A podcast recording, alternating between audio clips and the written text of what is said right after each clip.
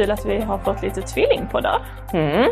Både inom daglig verksamhet och vår grannförvaltning Arbete och välfärd har ju också startat en podd. Det kul. Men nu får de lyssna på oss. Ja, precis. Och vi har ju fått in en, eh, många förslag på eh, vad vi kan ta upp i poddavsnitten. Mm. Men det är ju väldigt få som eh, vill vara med och medverka. Mm. Och det önskar vi ju. Att om det är någon som har något bra förslag så får man jättegärna komma hit och vara med Mm. i avsnitten. Lite goda exempel vill vi ha. Mm. Men idag kör vi halvårsanalys av avvikelser. Mm. Vi ligger lite i ofas i tid, men Detta är Så. första halvåret Mm. 2023. och då hade vi 4344 avvikelser. En liten ökning. Det ser ut som om det kommer att öka detta året, ja. precis. Eh, Och det som är glädjande är ju att det är 24 procent SOL LSS-avvikelser. Mm. Det har ju gått upp hela 4 procent. Det som är som det brukar är ju fall och läkemedelsavvikelser och det står för 62 procent av alla händelser vi har. Mm. Men det vi har sett är att fallavvikelserna har minskat med ungefär 400 stycken. Mm. Och inom vård och omsorgsboende drar man en liten eh, en hypotes om att det handlar om att eh, åtgärdsplaner i arbete med senior alert och det arbetssättet faktiskt påverkar det här med att vi minskar fallavvikelser. Det är kul. Mm. Och det man ser är att fall och läkemedelsavvikelser, eh, majoriteten av dem inträffar på vård och omsorgsboende och hemtjänsten. Det som är intressant är det här med läkemedelsavvikelser, att det är en sån stor variation. Om vi tänker inom vård och omsorgsboende där det är mellan någon enhet som har 11 stycken på ett halvår medan någon annan har 67. Det hade jag önskat att man tittar vidare på vad det är som gör det. Antingen är man fantastiskt duktig på att rapportera på den ena enheten eller har man faktiskt lyckats med något bra på den här där, där det bara är 11. Mm. Ehm, Men att man försöker ta lärdom av det. Analysera först och sen ta lärdom. Precis. Och det framkommer att det är ungefär lika många som inte larmar vid ett fall som faktiskt gör, gjort det. Mm. Och där är det viktigt att tänka, alltså det här med trygghetslarm, vilket många får per automatik på våra boenden, kan det innebära att det skapar någon form av falsk trygghet? Eh, om personen inte förstår hur larmfunktionen fungerar Mm. så kanske det är andra alternativ som skulle fungera bättre för att kunna påkalla uppmärksamhet. Mm. Jaha, och de, eh, det som nämns eh, är ju hala golv, möblering och dålig belysning utifrån fallen. Och i bästa fall hade vi ju kunnat alltså, förebygga fall genom att jobba med möblering och belysningen redan innan och det behöver vi ju tänka på. Sen ser vi också det här med smärtstillande psykofarmaka och sömnmedel, att det kan påverka fall. Då behöver vi titta på om det eh, behöver det ske läkemedelsgenomgångar till exempel för att minimera fallen. Precis. Och sen har vi sett att det har varit en liten ökning eh, på avvikelser kopplade till dokumentation. Eh, Och det är HSV, eller hälso och sjukvårdsverksamheten, som nämner det i sin analys. Mm. Det är ju en, en väldigt liten ökning om vi kollar på avvikelser som har skett dessförinnan. Men eh, det är möjligen så att det kan spegla svårigheterna vid byte av verksamhetssystem, alltså införandet av vad heter det? Lifecare HSL. Mm. Ja, och inom SOL och LSS så är den största kategorin efterfall då personlig vård, trygghet och hot och våld. Och hot och våld och likaså tvångs och begränsningsåtgärder är ju mest förekommande inom funktionsstöd. Mm. Jaha, och eh, 103 avvikelser har bedömts som betydande och katastrofala. Och 35 av dem är inom SOL och LSS. Och fyra av dessa har ni anmält till IVO. Mm. Stämmer det? Inom funktionsstöd som avser tvångs och begränsningsåtgärder. Och en eh, inom vård och omsorgsboende som var ett flertal händelser som Tillsammans utgjorde ett missförhållande. ja. Precis. Mm. Mm. Och sen är det en HSL-avvikelse som anmälts till IVO som handlar om fördröjd vård och behandling och en avvikelse som har eh, lett till en anmälan till lä- Läkemedelsverket. Mm. Så de allvarligaste. Precis. Och vi brukar eh, nämna det här med öppna avvikelser, det vill säga de som inte avslutade under perioden. Och de är Ja, 800... detta är faktiskt totalt öppna Okej. som vi tog fram denna Ja, gång. ja. Ah, ja. sen systemet startade. Mm. Så totalt av, ej avslutade är 861 stycken. Ja. Eh, den, de som vänder trenden är ju vård och omsorgsboende som aktivt har jobbat med det här och de tänker att det ökade samarbetet eh, med legitimerad personal är en vinnande faktor. Faktiskt, man behöver ju ibland hela teamet in i avvikelsen för att kunna avsluta den sen. Och det handlar ju inte i sak om att vi ska liksom avsluta avvikelser, men vi måste ju hantera händelsen. Så, och det har man i allra bästa fall, och de allra flesta fall, gjort säkert, men inte varit inne i systemet och avslutat. Nej, precis. Eh, och där ligger 80 stycken som är varken lagrum eller allvarlighetsbedömda. Och de är allvarligare, Mm. tänker jag, om man nu ska välja vad man ska jobba med, så är det just de, för att de blir jag orolig för ibland ifall, ja men det är kanske någon enhetschef som, eh, alltså där det är någon felkoppling i DF eller vi har fel enhetschef kopplat till en viss enhet. Så att de här händelserna har vi särskilt skickat ut till alla de enhetschefer som berörs för att kunna hantera det. Så det är viktigt att ni tittar på dem. För det kan ju vara händelser som man inte ens har uppmärksammat. Mm. Um, Mm. Det är viktigt. Och fortfarande så är det ju, eh, händer de flesta avvikelserna 8, 14 och 20. Och eh, fler på vardagar än på helger. Mm. Sen har man någonting som kallas för externa avvikelser. Och då handlar det om de här, eh, det som andra vårdgivare, till exempel sjukhuset, eh, skickar till oss. Det kan handla om att eh, en fördröjd vårdtid, det vill säga att man, patienterna har fått ligga för länge på sjukhuset för att vi inte har kunnat ta emot dem av någon anledning. Och det vi skickar till andra handlar främst om brister i eh, SVP-processen, alltså samordnad vårdplanering. Den här planeringen som ska ske mellan våra verksamheter för att det ska bli en bra övergång. Mm. Och vilka orsaker har vi då sett?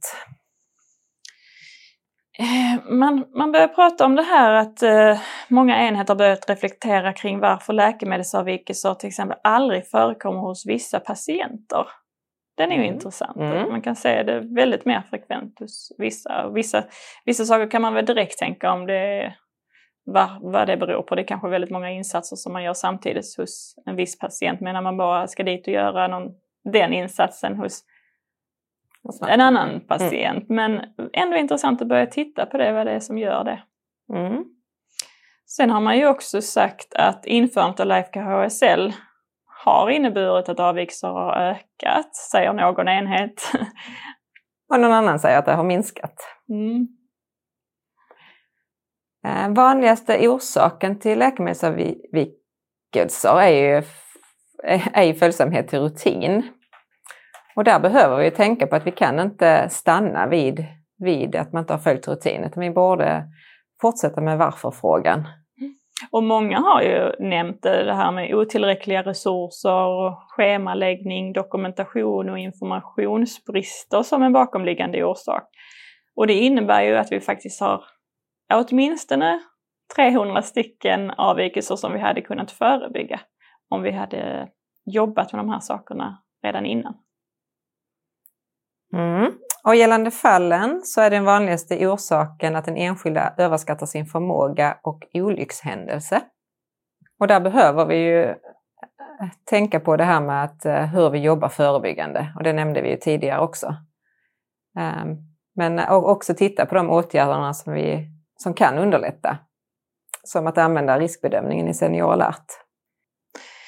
Och också det vi, det vi kan se är ju mycket att man, eller får höra, man säger så, att eh, det är många gånger där enhetschefen kanske väntar till att legitimerad personal tar man tänker att det är legitimerad personal som har ansvar för fallavvikelser, men mycket saker behöver ju göras med hela teamet. Mm. Om vi tänker på det här, och kanske främst enhetschefen som har ansvar kopplat till bemanning och hur man organiserar arbetet på rätt sätt för att förebygga händelser. Så det är viktigt att fallavvikelserna inte per automatik är en insats som legitimerade ska ta ansvar för. Och andra orsaker som nämns är ju bri- bristande hantering av sänggrindar och larm. Man ser också mycket eh, orsaker till att man kanske inte har haft tillräcklig kunskap om kundernas sjukdomsbild och behov. Och att flera hot och våldssituationer kan härledas till bristande kommunikationsmöjligheter. Ja, och sen har vi kommit till eh, vilka åtgärder som vi är vidtagna. Mm. Och vi ser ju fortfarande att gruppsamtal och enskilda samtal är det som är absolut mest vanligast. Men vi ser också att det är mer än 400 åtgärder som berör utbildning, ändring i bemanning, schema, ny rutin och utbildning. Ja. Och här, liksom vi pratade om innan, här kan vi ju se, hade vi sett till dessa åtgärd, åtgärderna redan innan så hade vi förebyggt många händelser. Så vi behöver, vi behöver jobba med att flytta fokus till det förebyggande arbetet. Och det är lätt att säga, men vi ser tiden blir likadan om du sätter in åtgärden efteråt eller innan. Det är till och med kanske ibland så att tiden blir mycket mer omfattande om du sätter in åtgärden efteråt. Så försöka jobba förebyggande. Mm. Och SÖS och MAR har ju haft eh, digitala workshops eh, avseende tvångs och begränsningsåtgärder gentemot alla verksamheters eh, enhetschefer. Och inom funktionsstöd så var det ett prioriterat arbete och där har vi haft ytterligare träff med cheferna. Mm. Och sen andra åtgärder som nämns, det är mycket med kring justeringar i boendemiljöer, läkemedelsjusteringar, att man börjar mer aktivt jobba med BPSD, bemötandeplaner, gång och balansträning, som vi vet är en jättebra förebyggande åtgärd. Utbildningar i förflyttningsteknik, trycksår och basal omvårdnad. Mm. Och sen var det någon som nämnde om det här med fördelning mellan helglagen och att insatser över dygnet, att det ses över för att minska arbetsbelastningen på morgonen när de flesta avvikelserna faktiskt händer. Mm. Och funktionsstöd nämner ju också att ett prioriterat arbete att anpassa, arbeta med att anpassa stöd och kommunikation utifrån behov och att arbeta proaktivt med riskbedömningar och handlingsplaner.